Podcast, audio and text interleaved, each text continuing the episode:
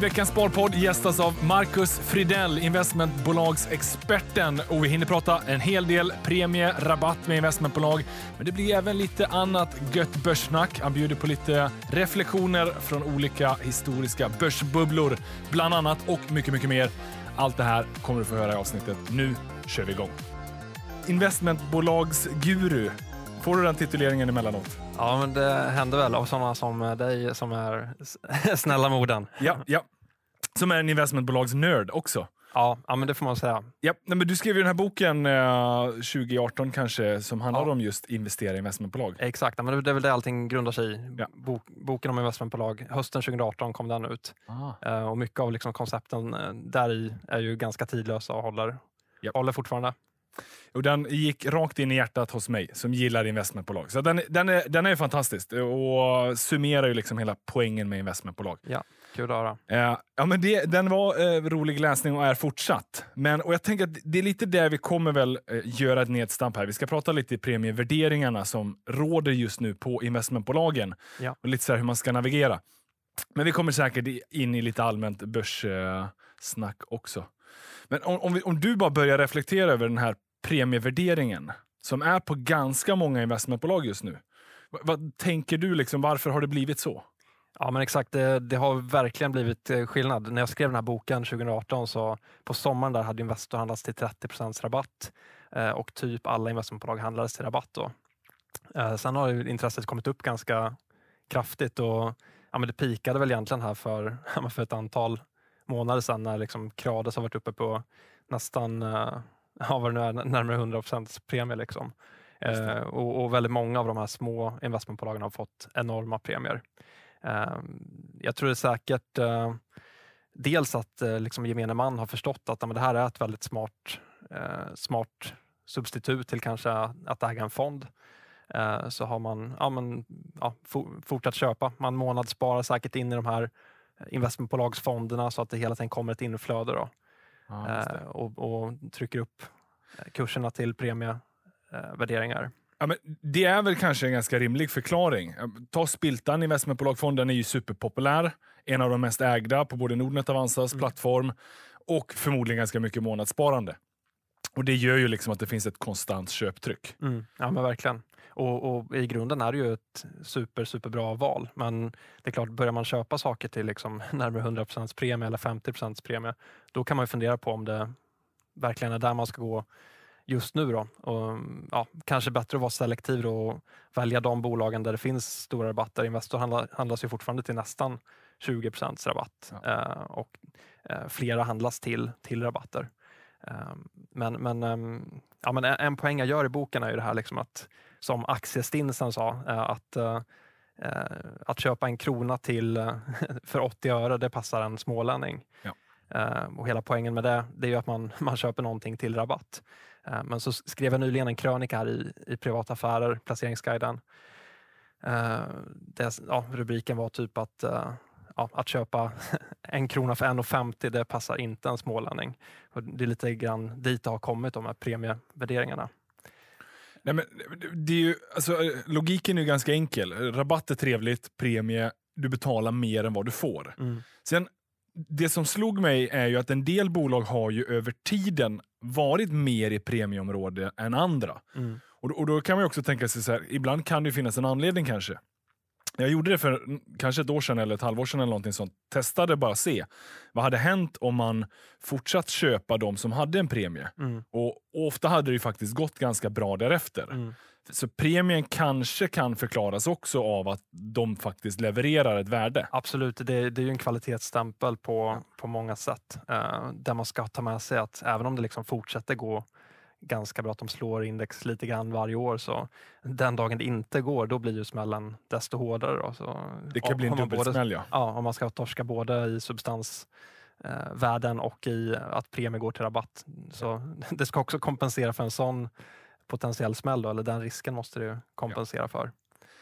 Nej, men det, det jag tänker när jag själv försöker navigera, det är ju att ja, men okej, är det en premie på 50, 70 eller 100 procent som Creades var uppe på, ja, men då är det svårt att se liksom, rimligheten i det. Eh, Mm. IB-index gjorde en ganska rolig tweet eller Instagram-post där de skrev “köp en aktie, betala för två”. Ja.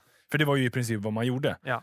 Och, och då inser man att det är svårt att få eh, liksom, bra avkastning därifrån sett. Ja, ja men verkligen. Men, men är liksom en premie på 5-10 procent och det är eh, antingen fantastiska investerare som jag annars inte kan komma åt eller det är innehav som är onoterade med stor tillväxtpotential som jag inte heller kan komma åt. Ja, men då kanske jag kan börja se någon liksom, anledning till varför det är en viss premie på det där. För att Mm. det, är- det är svåråtkomligt. Exakt, och då, där kan man verkligen fundera på vad saker Ja. faktiskt är värda. Då, som eh, förra veckan eh, kom ju den här nyheten att Babylon är på väg till börsen och då såg den värderingen som nämndes där högre ut än vad som låg i, i bokförda värden på, på Bostock New Ventures och, och Kinnevik. Så, så ja, det, det kan ju finnas skeva värderingar där i, eller lite, lite försiktiga värderingar. Ja, men det, verkligen, för man behöver ju eh, bokföringsmässigt så behöver man ju eh, liksom bokföra saker till så rimligt marknadsvärde som möjligt. Mm. Men när det kommer till onoterade tillgångar, det finns inget rimligt marknadsvärde. Så Exakt. ofta är det ju kanske då antingen senaste transaktionen Ja.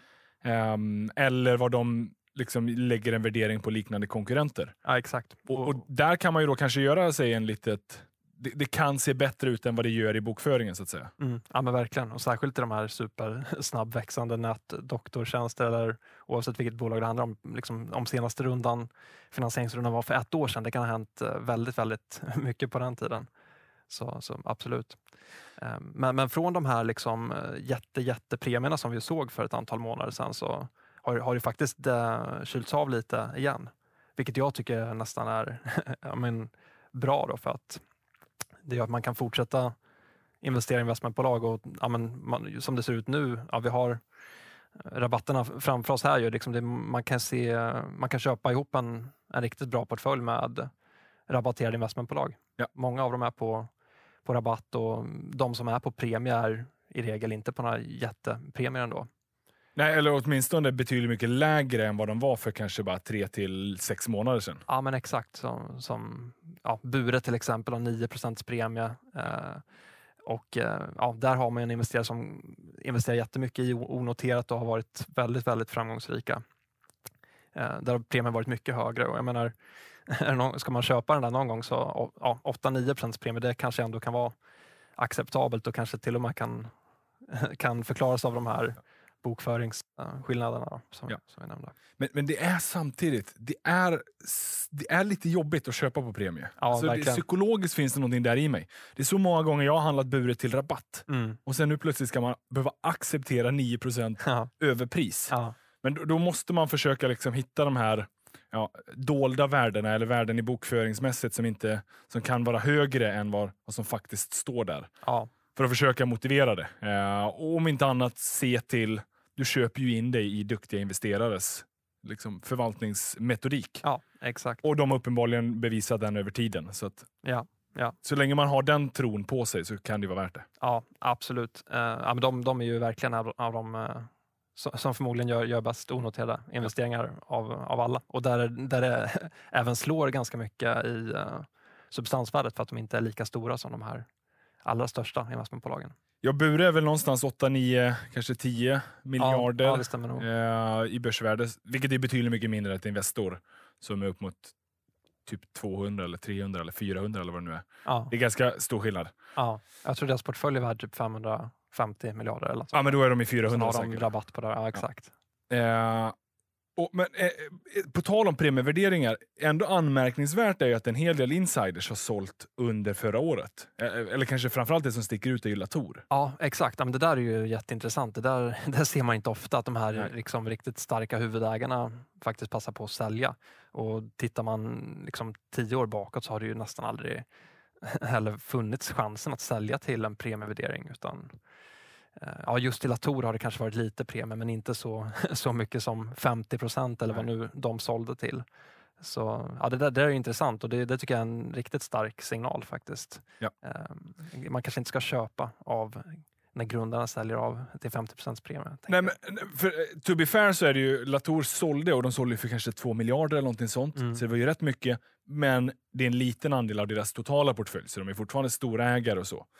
Men, men jag tyckte du gjorde en bra poäng i Privata Affärers krönika att eh, ja, men när man köper investmentbolag då köper man ju in sig i deras metod och man tror på deras förmåga. Ja. Och om de då säljer, ja, då, om du nu tror på deras metod och förmåga, ja, kanske du också ska vara lite Mm. passiv eller stillastående i alla fall tills Mm. de visar annat tecken. Mm. Ja men verkligen. Det, Det ligger någonting i det. ja, ja, men det, det, det tycker jag verkligen. Eh, och, ehm, ja, men det, fin- det finns ju annat man kan kanske passa på att köpa Ja. just nu. Då. Förr eller senare så kastas sånt här om. Eh, Nu, nu var det väl förvisso ett tag sedan då de, de sålde, eh, så nu har ju faktiskt premien kommit ner en bit. ja, ja, men det, Ja. ser, det ser mer attraktivt ut igen här. Ja. Men det är Det- fortfarande ganska dyrt. Ja, ja exakt. Eh, Men jag, jag tänker på bara för något år sedan, eller före coronan, där, liksom, då, då var det ju ett klimat där, eh, där investmentbolag men de hade ju börjat bli liksom, riktigt eh, heta och allt handlades på eh, eller, eller förlåt, eh, investmentbolagen, eh, det var fortfarande en hel del rabatter då innan, innan eh, coronan och eh, eh, alla fastighetsbolag i princip handlades ju på jättepremier. Jag inte om det kommer, då gick det knappt att hitta ett fastighetsbolag på rabatt. Ja, de var ju också mellan 50 till 100 procent premie. Ja, exakt. Och särskilt de här bostadsrelaterade. Och, och tänker man på vad som händer sen, ja, men typ på ett halvårs sikt där när liksom, ja, fastighetsbolagen handlas mer i regel till rabatt och ibland, ja, men de stora kan handlas till 30-40 procents eh, substansrabatt och samtidigt som investmentbolag vände och började handlas på premier. Liksom.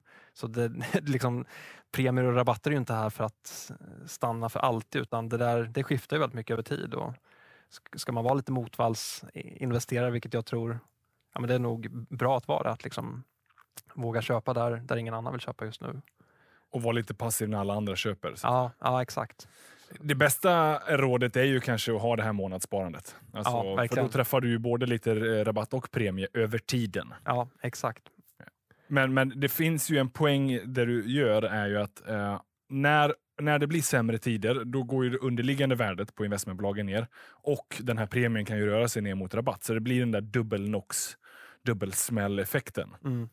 Um, och det gör det ju sen då till ett ganska attraktivt köpläge efter ett sånt scenario. Och de händer ju titt som tätt. Ja, När liksom populariteten svalnar av lite. Så exakt. för den som är lång, långsiktig så, så är det så här, var nästan räkna med att det kommer att komma sådana perioder av kraftig premie, följt av kraftig rabatt, följt av kraftig premie Mm. och så liksom Ja, men verkligen. svajar det där fram och tillbaka. Exakt. Och nu är börsen eh, superhet eh, också här och Ja. det brukar också kunna höra med att eh, det blir mer premier och i, i klenare perioder så blir det mer rabatter och det, det är helst då man vill passa på att slå till. Då. Det var ju många, alltså Investors vd köpte en massa aktier i, i coronakraschen där till exempel. Eh, och det har ju blivit en jättebra affär. Så vågar man vara lite kylig så är det ju Ja, man kanske man bara ska buffra, buffra likvid tills det väl smäller nästa gång. Men man kan få vänta oerhört länge. Det är jättesvårt där. Det är det som är jobbigt. Jag, ja, men, jag förstår vad du menar, att det har gått upp rätt mycket sen liksom bottennivåer från coronan sett, eller även tidigare toppnivåer innan coronan, så har det liksom stigit en del. Men är det verkligen så hett då? Allmänna börsklimatet, ja, det är ju jättehett och Mm. aktier är på allas läppar nästan. Mm. Men, men det är så...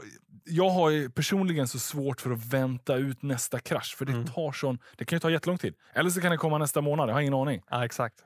Ja. Ja. Det, är- det, Månadssparandet känns ju mycket enklare, det är närmare till hands. ja, verkligen. Och det- försöka tajma är ju generellt sett vanskligt. Hellre Ja. ha liksom tid i marknaden. Ja, men verkligen. Ja, det, det, tror jag, det, tror jag, det är otroligt svårt att eh, liksom lyckas köpa på botten också. Eller, eller kommer det liksom en liten dipp och sen drar det upp på nya all time highs igen. Då, då kan man lika gärna väl, väl ha suttit och väntat på den djupa botten som aldrig kom. Liksom. Japp. Så ja, månadssparande är väl eh, definitivt eh, ja, det bästa man kan göra och där man, där man får ett snitt liksom, och det blir bra i längden. Nej, men jag, på tal om det här med om det blir en stor eller liten eh, liksom krasch. Jag kommer ihåg den här veckan förra året, sportlovsveckan. Mm. Det var ju då det liksom började röra på sig. Nu var ju den i februari fortfarande. Ja, och, och Jag kommer ihåg att det liksom föll på måndagen och jag tänkte oh shit, här blev det lite billigare så jag köpte lite. Fortsatte det falla på tisdagen, följde ännu mer på onsdagen och då fortsatte jag att köpa på lite. Och sen så torsdagen var det väl typ lite stiltje och sen fredagen bara brakade det ner ännu Mm. mer. Mm. Och därpå jag fortsatte köpa. Och det här var ju bara sportlovsveckan. Mm. Innan hela liksom pandemivarningen och kraschen och ytterligare eskaleringarna. Ja, exakt. Ja, så det, är- det är väldigt, väldigt svårt att försöka liksom ha exakt liksom, precis precision och, och träffa de där bottnarna. Ja, verkligen. Ja, men du, du satt i samma båt som Investoveren då. Han köpte också första gången kanske halv, halvvägs ner liksom, och sen Ja. fortsatte hela vägen ner till, Ja. till den absoluta botten. Men förr eller senare så tar ju krutet slut. Ja, så är det också. Men då får man bara liksom, rida ut stormen. Ja. Eh, Förr eller senare så stiger det ju. Ja, ja, men verkligen. Och i det här fallet så blev det väldigt mycket förr. Eh, Det, det steg väldigt fort. Ja, exakt. Det, Som tur var. det känns som att det går liksom snabbare och snabbare Ja. ja. för varje decennium efter såna här krascher. Det, liksom, det återhämtar sig ju superfort nu. Men, men, men känner du att det är lite bubbelvarning då? Liksom så här, kan du se sådana tendenser? Ja, men eh, definitivt. Jag, jag skrev eh, jag har faktiskt precis alldeles nyss skrivit klart en eh, artikel för privata affärer också som handlar just om, om bubblor och historiska bubblor. Liksom. Det är allt från mm, tulpankraschen då för, eller tulpanmanin för flera hundra år sedan. Och ja, det har uppstått en massa små bubblor även ja, men sen eh, industrialiser, industrialiseringen. Eh, Som vilka då? Ja, men jag, jag skriver bland annat om eh, en kort notis där om cykelbubblan från 1896. Den har du inte hört talas om? Nej. Och då var det cykel, alltså priset på cyklar eller? Ja, men eh, mer att cyklar blev väldigt hett. Alltså, det blev mer så här för allmänt bruk. De förbättrades väl, blev mer, mer användarvänliga och då insåg folk att ja, men shit, det här är framtiden. Liksom. Alla kommer att cykla. och eh, Då blev eh, tillgångspriser som var cykelrelaterat, alltså eh, ja, tillverkare eller liknande, de, steg, ja, de skenade i pris.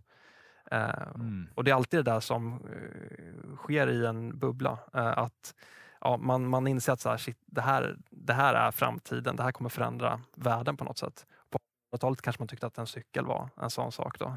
Ja. Ehm, och sen blir det här mer och mer utbrett och alla rycks med på något sätt. Och det blir, ja, av det blir det en enorm prisstegring som inte kan riktigt stå i, ja, i eh, proportion till ehm, ja, man, man kan inte försvara värderingen på just de här få aktierna. Då. Ehm, och det här upprepas ju sen om och om igen eh, genom historien. På 50-talet fanns det en liten bowlingbubbla som du säkert inte har hört talas om. Nej. Och allting bowlingrelaterat då? Ja, exakt. Och då var det typ eh, Brunsvik, finns det något bolag som heter, som gör liksom bowlingutrustning. Aha. Och det här började med att det var en eh, amerikansk ingenjör som uppfann kägelmaskinen. För bowling fanns innan, men när du har slagit ditt slag, då får du springa och ställa upp alla käglor. Liksom. Då är det inte så himla kul att bowla. Men när en maskin börjar göra det automatiskt, då blev det så här, ja men samma grej. Oj, det här är framtiden. Det här är det stora folknöjet från och med nu. Liksom. Och de här aktierna rusade ehm, och för att sen ja, krascha som, som vanligt Ja. i bubblor. Liksom.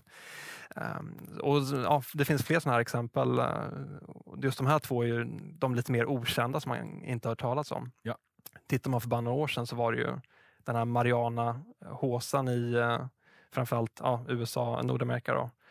Eh, att det ska börja legaliseras och många cannabisaktier gick ju enormt mycket för att sen bli, ja, kylas av. Så det var kanske någon form av liten minibubbla där och då också. Då. Eh, så det där det är ett intressant tema och man kan ju bara försöka liksom applicera det på eh, ja, hur det ser ut idag. Idag, idag tycker jag mig se liksom, allt som har med elbilar att göra. Är ju Eller ESG-stämpeln i brett. Mm. Liksom. Exakt, exakt. Eh, Man kan se antingen hela, exakt hela ES, eller hela cleantech-klustret liksom, eller så kan man se eh, ja, just el, elbilar specifikt. Då. Ja, för du tänker med typ både Tesla Nio, eh, som liksom de uppenbara, men ett Ja. Garo Exakt. med exakt. laddstationerna. Det har ju också liksom menar, stegrat iväg. Garo gick till börsen 2015 tror jag var på typ P 15 och man tyckte att ja, men det här är väl ett liksom, kvalitets litet Smålandsbolag liksom, som kan vara värt att äga. Men att det ska handlas på P 70 eller 80 eller vad det nu handlar. Det är lite svårare att, eh, att motivera. Men så här, vad, vad kan man dra för slutsatser och lärdomar av de här bubblorna? Ja, men det, som är, det som är intressant är att man eh, faktiskt historiskt då tenderar att eh, övervärdera det här fenomenet på kort sikt. Men man undervärderar fenomenet på lite längre sikt. Så, mm, som till exempel, jag, jag tog cykeln hit idag. Så liksom 130 år efter cykelbubblan så håller vi fortfarande på gemene man och cyklar. Eh, så så bubblan, bubblan får ofta liksom rätt på lång sikt. Då. Det var väl liknande med IT-bubblan. Verkligen. Där och då, IT-bolag, eh, liksom, det blev alldeles för hett. Men idag, det, det är en stor del av vår ekonomi. Verkligen. Och förmodligen underskattar vi liksom i de affärsidéerna som fanns då. Ja, men då var ju typ en e-handel kunde bli alldeles för håsad. Men då underskattar vi förmodligen hur himla stort Ja. e-handeln har blivit idag. Att vi ja, men i princip bara sitter och klickar hem det vi vill ha ja, men direkt via mobilen. Liksom.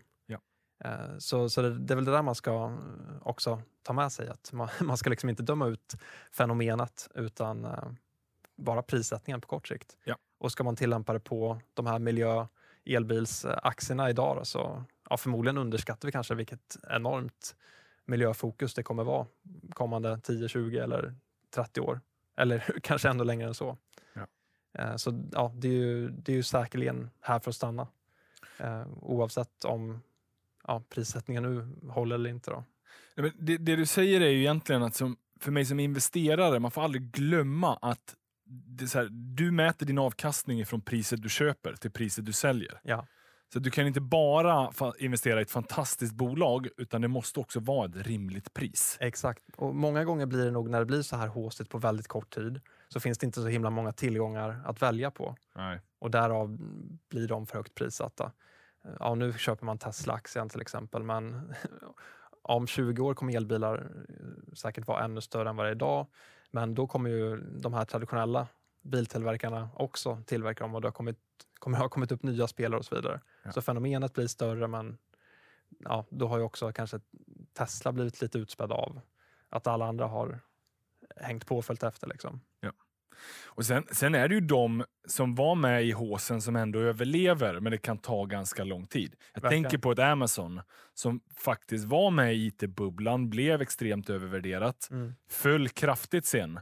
Och jag tror att från någon topp till någon botten så har det säkert varit nere 80, kanske nästan 90 procent. Mm. Men har ändå sen återhämtat sig och och repat sig och över lång, lång sikt så blev det bra. Mm. Ja, men det, det är kanske undantaget snarare än regeln. Mm. Eh, För många av de där eh, som blir väldigt, väldigt håsade kanske begår lite finansiell eh, al alkemi och Ja. eh, det kanske inte riktigt funkar i, i det långa loppet. Nej, exakt. Ja, men titta på liksom fenomenet, man hittar nya investeringar än de håsade aktierna. Det är väl kanske vad man, vad man kan försöka göra, liksom. eller hitta lite andra smarta vägar för att spela det, det långsiktigt. Då. Och, och Man får aldrig glömma det här med att storytelling, det är så otroligt viktigt för oss människor. Vi, vi liksom, en bra story, Ja. säljer så otroligt väl. Ja, exakt. Det, det är så vi kommunicerar. Ja. Det är ganska få saker som är helt liksom, nya och originella idéer, men när det kan paketeras till en fantastisk story som makes sense och berör mig, då, då, liksom, då faller polletten ner. Ja. Och Det gör ju att man kanske kan klicka på den där köpknappen lite väl många gånger utan Mm. att tänka efter, är det här reasonable price? Ja. Ja, men det förblindar ju att man ens, liksom, många som köper de här aktierna Ja. funderar inte ens på värderingen utan man ska bara med till vilket pris som helst. Och, ja, och sen så finns det fondflöden på det där och det finns en allmän liksom, vilja av att välja bort det som inte är klassat ESG, liksom, trångt i korridoren. Eh, för det finns inte så många i utbudet som du säger. Det är liksom som en perfekt storm för att Ja. det ska driva upp kursen. Men förr eller senare så nyktrar man ofta till. Exakt. Och liksom det här vi pratade om tidigare med bo- fastighetsbolag och investmentbolag, att premier blir till rabatt och rabatter blir till premier. Eh, just ESG-flödena som du pratar om här, det där ser man nästan lite grann har hänt i uh, iGaming-bolagen nu. De var ju totalt ratade för, vad var det nu, ett eller två år sedan. Och alla fonder skulle ur de här bolagen. Nu, nu är det där ganska hett igen, Kindred och eh, ja, framförallt Evolution och, Ja. och så vidare. Eh, och ja, man, ser liksom, man ser det som heta tillväxtaktier helt plötsligt. Eh, så ä- även där har man sett hur det liksom skiftar Ja. över tid. Så, Och och då är det mycket privata liksom, sparare som går in, men även fond, fonder som aktivt säger att vi gör inte en ESG-sortering, liksom, utan Ja. vi går på lönsamhet. Och, och då, ja, nu är storyn att de här är väldigt lönsamma och de har mycket medvind. Och då Mm. föder det ytterligare uppmärksamhet och ytterligare kapital. ja. Och så, så blir det det här självspelande pianot. Mm. Men det man, precis det du sa innan, det här att eh, liksom det frikopplar sig. Det, det är den man verkligen aldrig får glömma. att Det är nästan till 100% korrelation mellan vinsten och aktiekursen över lång sikt. Mm. Men det är typ ingen korrelation på kort sikt. Nej, För nej. på kort sikt är ju aktiepriset det är mest bara psykologi. Det är ju någon köper och någon säljer. Ja. vi- vad är det allmänna humöret den här veckan, den här månaden. Ja, Men på lång sikt, det, är liksom, det, det sitter ihop. exakt. Hur bolaget presterar och hur aktien går därefter. Exakt. Och i de här bolagen där det bara finns drömmar och liksom vinsterna ligger jättelångt fram, då är det också väldigt svårt att peka på något, eh, vad som ska vara ett rimligt nyckeltal. Eller sådär. Och det, det är väl också det som hjälper till att, att det kan få egentligen vilken värdering som helst. Då. Eh, jämfört med ett ja, kanske storbolag som man bara mm, kan kolla något slags P tal mot historiken eller investmentbolag där det är superenkelt att titta på rabatter kontra sin egen historik till exempel. Ja. För att ja, veta, veta på något sätt vad man betalar. Ja, men börsen älskar ju potential. När det, när det är vitt och brett och uh, fri tolkning. Då kan man också unna sig att tolka in rätt mycket. Det är lite lustigt, på- tal om sammanhanget investmentbolag. Det här ganska lilla och relativt okända, huvud, eller, eh, nu ska vi se vad det är, Havsfrun, där jag tappade Mm. nästan ordet. De gjorde ju en liten rolig eh, variant här nu i veckan, eller om det var för två veckor sedan. När man släppte bokslutet, att man också meddelar att man ska typ bli en SPAC Mm. det här amerikanska fenomenet med liksom man, man investerar ihop bolag som är icke-noterade med ett noterat. Man Mm. liksom sväl, sväljer ihop det där. Eller på något sätt annat hitta strategiska partnerskap. Det var ganska brett och vitt och mycket möjligheter och potential i det där. Mm. Och det fick ju aktiekursen att röra på sig. Mm. Ja, men det är verkligen eh, att spela på, spela på trenden. Och, och liksom den här storyn och så vidare. Mm. Sen vad det kan bli på lång sikt, jag har ingen aning. Men eh, medskicket är ju alla sådana här lägen att fundera på som investerare. Vad, vad betalar jag för det här? Är det rimligt pris? Eh, och vad är liksom storyn just nu? Mm. Och varför köper alla in på den här storyn? Mm. Eh, de här SPAC, SPAC-fenomenet generellt sett är ju lite spännande. Faktiskt. Alltså det påminner lite investmentbolagsliknande att eh, nu är det en påse pengar förvisso då, men sen ska det bli ett företag. Att Mm. Man köper in sig i investerare som ska försöka liksom hitta det här bolaget som man kan knyta ihop sig med. Ja, men exakt. Men det är ju väldigt kortsiktigt eh, liksom investmentbolagsaktigt. Ja, men exakt. Ja, men det, det påminner också om att de här ofta har en, liksom, starka karaktärer eh, Ja. bakom sig, stora namn. Liksom.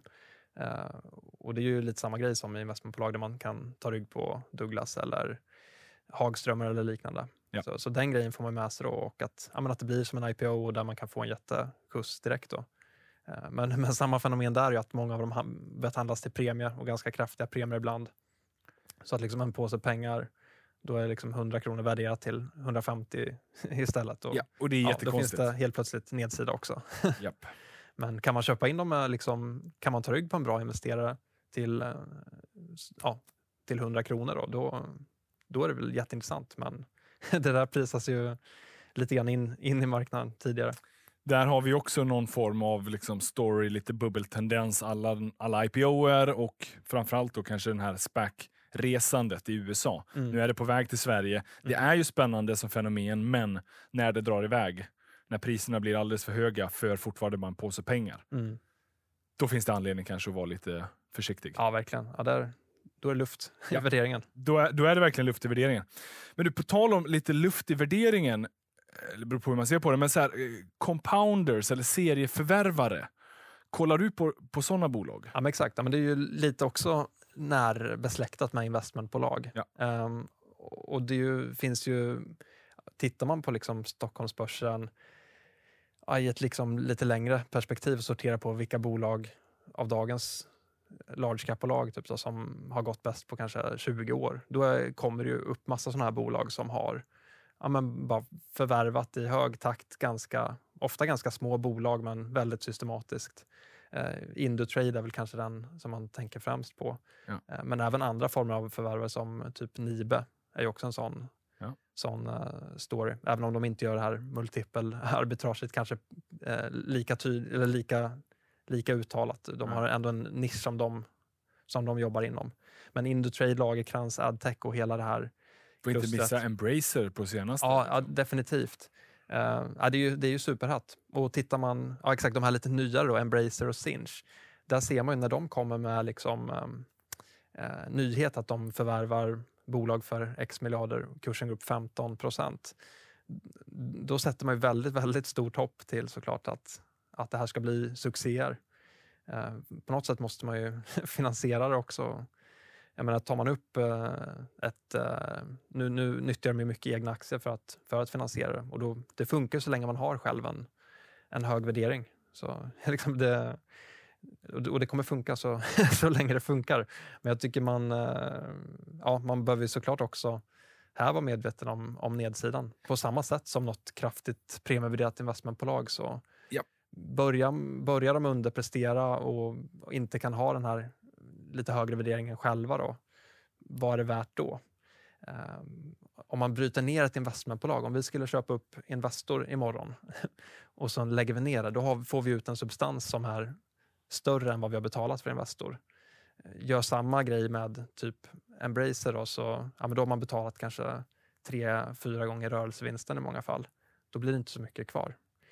Så att, eh, och sen är det klart, de gör det där superbra. Liksom, men eh, det, det, är klart man ska vara, man ska vara medveten om att eh, på något sätt skapas ju, skapas ju luft. Eller något som är värt tre gånger rörelsevinsten här ute blir sen värt jättemånga mer gånger rörelsevinsten bara för att det lyfts in i, i en större koncern. Då. Ja. Ja, men, eh, alltså, belysningen av risken där är ju jätteviktig. Ja, det är en intressant parallell du drog mellan investmentbolag på premie och, och sådana här serieförvärvare. För den kan ju liknas ganska mycket. Mm. Premievärdering på investmentbolag, då är det någon som har gjort duktigt liksom, resultat över en längre tid. Och Det är därför man värderar upp det, det är därför marknaden vill betala mer. Mm. Ja, och de vill ju göra det fram tills dess att den här förvaltaren eller det här investmentbolaget inte, inte längre levererar samma höga ja. avkastning. Ja. Ja, och då börjar det ofta liksom gå ner lite. Exakt, och tappar man sin värdering så då tappar man egentligen hela sin ja. affärsmodell för att affärsmodellen är på sätt och vis att kunna trycka egna aktier för att köpa in ja. eh, billiga bolag utanför. Då. Och när man säger det så, då låter det ju verkligen som att det är bara luft alltihopa. Men det imponerande är ju ändå att det funkar. Det funkar och, det är, och, och Indutrade, de här, där har det funkat liksom i ja. decennier. Så det är klart, det kommer säkert kunna fortsätta ja. länge, länge till. Och, ja, men kanske till, till evigheten i princip. Men, men på men, varje Indutrade så finns det ett motsvarande exempel som inte blev känt, mm. Eh, som inte funkade för. Exakt. Det, det, är ingen garanti i det. Ja, men, men, det där är lite som en valuta. Det liksom, vi accepterar värdet på kronor ja. för att vi accepterar det. Ja. Och det liksom, går inte alltid logiskt förklara, utan det bara är så för att vi accepterar det. Ja, men exakt. Och i ett Embracer så är det en valuta, aktien, eh, och den kan användas för att köpa andra bolag mm. och liksom fortsätta stärka den där valutan. Ja, och, och där handlar det kanske om vad man är för typ av investerare. Och är man mer momentum, och, men då, då kan man väl hänga med på den här resan. liksom, ja, kanske länge, länge till och kastas ut när, om det börjar braka på något vis. Liksom. Ja. Så har man, även om man får ta en, ett minus den dagen, då, om, det, om det nu skulle inträffa, så har man säkert fått ett jättebra plus totalt sett. Den är intressant. Ja. Man, man får vara lite mer momentumspelare. Förstå ja. när liksom är trenden med eller när trenden går ja. emot. Men är man liksom hardcore värdeinvesterare då är det ju, då är det svårt att köpa ja. den, det upplägget. Liksom. Ja. Då gillar man när man får köpa en krona för 80 öre. Ja, exakt. Det är typiskt, typiskt värdeinvesterare. Ja. Ja, och det är kanske inte rätt eller fel, utan det är bara ja, attraherar olika typer av investerare. Ja, det är också bra att ha med sig att uh, det finns många aktier där ute, man måste inte äga alla. Och alla går inte upp och alla går inte ner heller. Utan man behöver liksom anpassa sin strategi lite efter vilken typ av investerare man är. Exakt, och tillväxtinvesterare är ju de som har gjort det allra bäst eh, liksom ända sedan finanskrisen i stort sett. Ja. Innan dess var det liksom decennier där värdeinvesteringar funkade bäst. Men ja, sen dess har det skiftat och låga räntor har ju hjälpt till väldigt mycket där också. Ja. Och det är fortsatt lågt ett tag, men någon gång kommer det bli högre och någon gång kanske det sker något skifte tillbaka. Men ja, mm. det är så mycket ifs and buts och längre fram. Så ja. det, det, handlar nog i, mycket, i mångt och mycket om att så här, hitta strategin som funkar för en själv. Verkligen. Ja, det, det är nog grunden till, till mycket. Alltså att, att uh, orka vara långsiktig och sådär, ja. då måste man tro på sin egen grej. Liksom. Ja. Du, en annan grej som jag skulle vilja bara bolla, eh, det är lite investmentbolags eh, liksom, snack. Ratos är ju ett mm. investmentbolag som jag har nu börjat kolla lite mer på igen efter att det har varit ganska många år av lite skakig resa. Först mm. hade ju Ratos ganska många jobbiga år. Oljepriset gick emot dem och man behövde liksom finansiera utdelningen genom att sälja de bra bolagen. Eh, sen liksom har man kommit in och börjat stöpa om det där bolaget lite. Nu börjar jag få känslan av att det där städarbetet börjar liksom ser ganska klart ut. Ja, verkligen. Jag, ty jag tycker det ser jätte, jättebra ut. Jag menar, när Wiström kom in som vd och sa ganska uttryckligen att, att, att de ska städa upp och man har sett i, i princip kvartal för kvartal att det, att det går åt rätt håll. Liksom. Så jag tycker de, de verkar göra eh, det mesta rätt. Och inte minst är det väl plantagen och så där, vars resultat slår ganska mycket på Ratos. De har verkligen vänt och så har de börjat göra lite affärer också nu när de sålde eh, Bisnode. Um, och nu har de väl sagt att de egentligen ska eh, ja, fokusera på några eh, innehav och kanske snarare göra till, tilläggsförvärv till de verksamheterna. Ah, just det. Så det blir en lite mer koncentrerad portfölj. Och, ja, men med tanke på hur de har lyckats vända det så känns det som ett management som man ja, men gärna tar rygg på. Ja. Eh, och värderingen här ser ju, om man jämför med uh, Indutrade och liknande, då, så, så är det här betydligt lägre värderat. Ja. Om det är typ 8-9 gånger rörelsevinsten eller något sånt där. Men det, det intressanta blir ju just vad de gör med den där påsen pengarna nu efter försäljningen. Det kommer kanske vara lite tonsättande för hur de bygger bolaget framåt. Ja, men verkligen. Exakt. De har visat att de kan vända saker operativt då, ja. eller operationellt. Eh, men nu vill man se investeringsmässigt exakt, kan Man, kan man vara en smart kapitalallokerare dessutom så ja. då får man båda delarna och då är det... Det blir väldigt intressant. Då finns det potential, verkligen. De har köpt mycket också själva. Alltså insiders har köpt på sig väldigt mycket under, ah, okay. eh, ja, under, under året. Och efter i coronakraschen också. Då. Ja. Eh, så Söderberg köpte på sig, storägaren där köpte på sig, de köpte mycket aktier. Och det har börjat bra, bra och de har fortsatt köpa aktier på även här kring, av vad det nu är, om det är kring 40 kronor. Eh, så att eh, ja, de tror på det själva. Ja.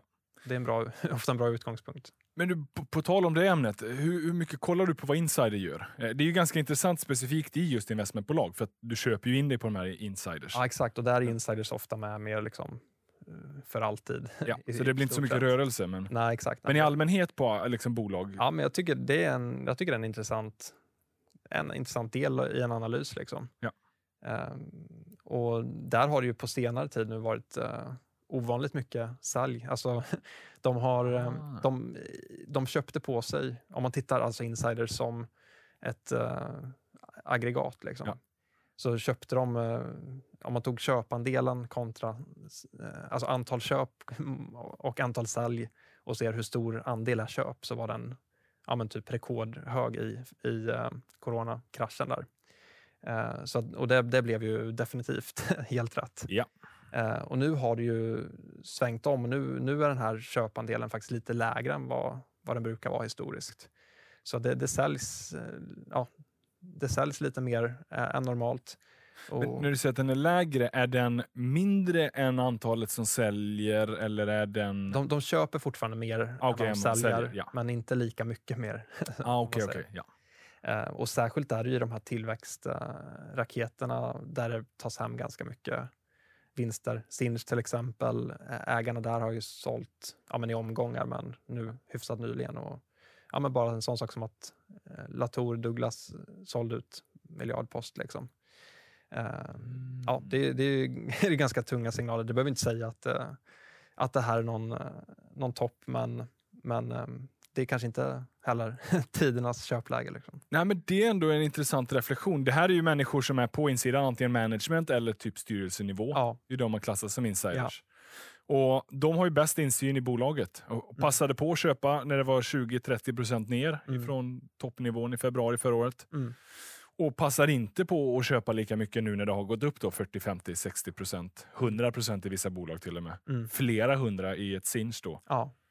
Så det är ju liksom inte jätteologisk eh, tanke att bara se kanske vart är det bra inköpslägen och vart är det mindre lyckade inköpslägen. Ja men exakt. Och har man varit med på en, en sån resa som, som Sinch liksom, så ja. ska man någon gång ta hem vinst så när de själva, grundarna själva gör det så ja, men då kanske det är ett hyfsat läge i alla fall. Ja. Men där var lite sälj. Vet du några av det där mer liksom insynsköp nu? Ja, men jag, jag, tyckte, jag tittade lite mer på det här, men jag, jag tyckte mig liksom inte hitta några där det var supertungt att det köps brett. Eh, Ratos förvisso, som vi pratade om, de, de har köpt på ganska, ganska bra, men de gjorde det även i, i kraschen. Då. Ah, okay, men, men jag tycker liksom, den stora slutsatsen är väl nästan mer att eh, det, ja, det, sälj, det säljs lite mer ja. än vad det faktiskt... Eh, eller relativt sett mer ja. än vad det, vad det brukar göra. Ja, men läge kanske att vara lite försiktig då. Det är Ja, väl det ja, men- slutsatsen i alla fall ins insiders säger till en. Ja, men exakt. Uh, insiders säger det. Och precis innan pratade vi om potentiella bubblor. Så jag, jag vet inte, jag kommer som en bitter Ja. dysterkvist här. Men, men Du, är- du är liksom eh, kanske en lite eh, stabil och eh, lugn, frisk fläkt i sammanhanget. För det är ändå väldigt mycket sådär snabba vinster och eh, många nya in på börsen. ja, verkligen. Ja, jag, jag har fler än vanligt som, som aldrig, bruk, aldrig skulle prata om aktier som kommer och frågar. Liksom. Och Ja, okej. Så kan man väl tycka att det är ofta, men jag, så här mycket har det aldrig varit. Vad, vad säger du när de frågar? Vad säger du rakt av, köp min bok? Eller Ja. svarar du på liksom, frågorna? Ja, men eh, särskilt ibland så är det, kommer det folk som kanske tycker att det är intressant och så visar det sig att det, men det, är, det är bara kryptovalutor de har handlat med. Liksom. Ja, okej, ja. Eller kanske bara elbilsaktier eller liknande.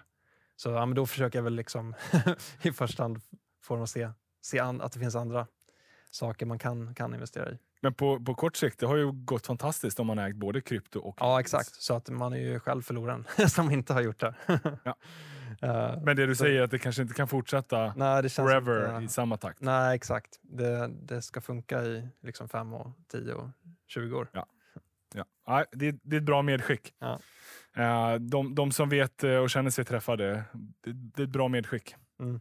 Men du, ett annat intressant investmentbolag som jag faktiskt inte heller kände till så väl. Byggmästare AJ Ahlström. Ja, men exakt. Ehm, De här har liksom, jag har seglat förbi mig helt och hållet. Jag Ja. har snappat upp dem vissa gånger. ja, Men jag har alltid bara tänkt sådär, ja men det är något eh, liksom, eh, fastighetsbolag eller byggbolag eller någonting. sånt. ja, exakt. Ja, men, eh, ehm, namnet eh, bedrar ju verkligen byggmästare A.J. Ahlström. Det är snarare ett investmentbolag. Jag tror de kallar sig för investeringsföretag Ja. själva. Men ehm, det är i alla fall inte ett byggbolag. Den, de har en sån historik. då. Och, och sen ti, alltså det här är ett familjeföretag i, i generationer. Ja. Och sen nyligen hade man eh, stora fastighetsbestånd också, men som också har, har eh, sålts. Då. Så att nu, nu har man snarare investeringar i, ehm, ja, men ganska, ja, men i små, småbolag på Stockholmsbörsen. Mm. Ehm, Infria eh, och Green Landscaping är två av de största innehaven. Eh, sen har de en hel del onoterat också faktiskt. Team Olivia bland annat. Eh, en jättestor privatvårdaktör Ja. i, i Sverige. Och faktiskt en, en liten investering i en liten eh, el, el, eh, ellastbilstillverkare, alltså i, sin- i sin linda. Liksom. Ah. Eh, Svenskt bolag eller? Eh, Bra fråga. Det är en väldigt liten del, en Ah, okej, tid, okej. tidinvestering för dem. Men eh, ja, jag tycker de, de har visat också att de kan göra smarta eh, investeringar. De var med och investerade i Aselio som Just har det. gått eh, typ tio gånger pengarna för dem. Och nu har de eh, faktiskt börjat avyttra där. Så att de har ju gjort en jätte, jätteresa där. Mm. Så visat att de både kan köpa och sälja eh, i rätt eh, lägen. Och ja, de har ett jätte, väldigt bra namn i, i styrelse och, och ledning också. Ja. Så, så det, där, det där tycker jag är intressant. Och jag tittade på den för några veckor sedan och då var det typ 13 procents rabatt. Då, eh, trots att det är ett väldigt litet bolag och med, ja, som verkar, verkar göra mycket rätt. Och det där brukar premieras eh, högre på börsen med bur och liknande. Även om de är större, så det, är- det är premievärderingar i många av de där bolagen. Ja. Så, Ja, men- så den, den, den ser, de ser ut att vara, vara duktiga investerare helt enkelt. Den det är ju spännande. Varför jag tar upp det är ju för att eh, när man pratar investmentbolag, det blir så lätt att man liksom kollar på Spiltan investmentbolagfond eller IB-index eh, och liksom kollar de som är i listan där. Och Det här är ju vad alla känner till. Och det, både Spiltan och IB-index är bra liksom tjänster och verktyg. Men det finns väldigt mycket mer än bara det. Det finns många fler investmentbolag Mm. Ja, som kanske inte själva kallar sig för det, för de har någon annan historik. Ja. Eh, eller ganska nyligen slagit om. Eh, Och, och poängen är väl att om man nu vill vara liksom, eh, långsiktig och man tycker att det är lite dyrt på de som är kända investmentbolag så kan man ju kanske om man letar lite eh, på Stockholmsbörsen hitta lite annat också. ja, men verkligen. Det, är- det är inte ofta, men ibland Ibland så. kommer man över dem där. Och, Ja. eh, ja, det, Och är det på mindre listor som First North eller Spotlight och med mera, där eh, är de ju ofta inte så analyserade. Man får ju komma ihåg att det inte är riktigt samma historik och kanske samma väl beprövade metod heller för investeringar. Men ja, likväl, kan vara några som är relativt stora även där. Ja, men exakt. Men bara inte kommit in på Stockholmsbörsen. Exakt. Och på det temat så är det intressant att Spiltan har eh, sagt nu att de ska till en ja, mer riktig notering då istället för... Ja, investmentbolaget Eh, Spiltan, så att säga. Ja, ja exakt. Ehm, så, så det blir intressant. Den har ju handlats mycket till 30% rabatt och liknande. Ja. Eh, men får den en riktig notering och man kan äga den i ISK och så vidare så tror jag att den, den rabatten borde kunna minska eh, ganska mycket. Ja, rimligt bara när man ser hur de andra investmentbolagen Ja, handlas. ja men verkligen. Och det är det enda som egentligen skiljer dem åt. Visst att Paradox en jättestor andel av deras portfölj, vilket man kanske som investmentbolagsinvesterare inte riktigt gillar. Men ehm, i övrigt Fast det finns ser ju ut så i många andra också. Nu Ja. är ju Paradox extremt stora för dem. Liksom. Ja. Men ta ett Bure som har Vitrolife och Mycronic. De är ju liksom väldigt koncentrerade där. Ja, exakt. Men det, det, det, det är den en, Triades med Avanza. Ja, det- absolut. Det, liksom- det har premierats i andra bolag. Exakt. Men jag menar, det, det är det enda liksom som man möjligen skulle vilja kunna hitta som ett negativt. I övrigt finns det ju inga, eh, ja, ingen anledning till att den skulle handlas till så, så mycket större rabatt. Så jag, jag tror att den kommer minska och, och nog ganska mycket från, från 30 procent. Det blir spännande att se. Verkligen. Per H Börjesson har ju eh, viskat och hintat lite om att det ska ske. Ja, Sen exakt. finns det inga klara besked, men, ja, exakt. men man hoppas och håller tummarna. Ja, exakt. Ja, men jag såg de, de var med på en, de körde en presentation nyligen här och ja, men det, det har blivit mer, de har liksom öppnat upp för det mer igen, att det ska, att det ska, Ah, okej. ska bli så. Så, att, så att nu, nu tror jag att man kommer få se det inom inte allt för lång framtid. Ja. Innan har det känts lite, lite längre fram. Liksom. Ja, det är spännande. Ja, Du, eh, det finns alltid mycket att prata om på investmentbolagshimlen. Eh, Ja. Marcus, eh, stort tack för att du kunde komma hit till Sparpodden. tack så jättemycket för att jag fick komma igen. Ja, du, och det kommer att bli fler återbesök och det ser jag fram emot. Ja, samma här. Och till er lyssnare, tills dess, ni vet att vi ses och hörs igen nästa vecka. Ciao!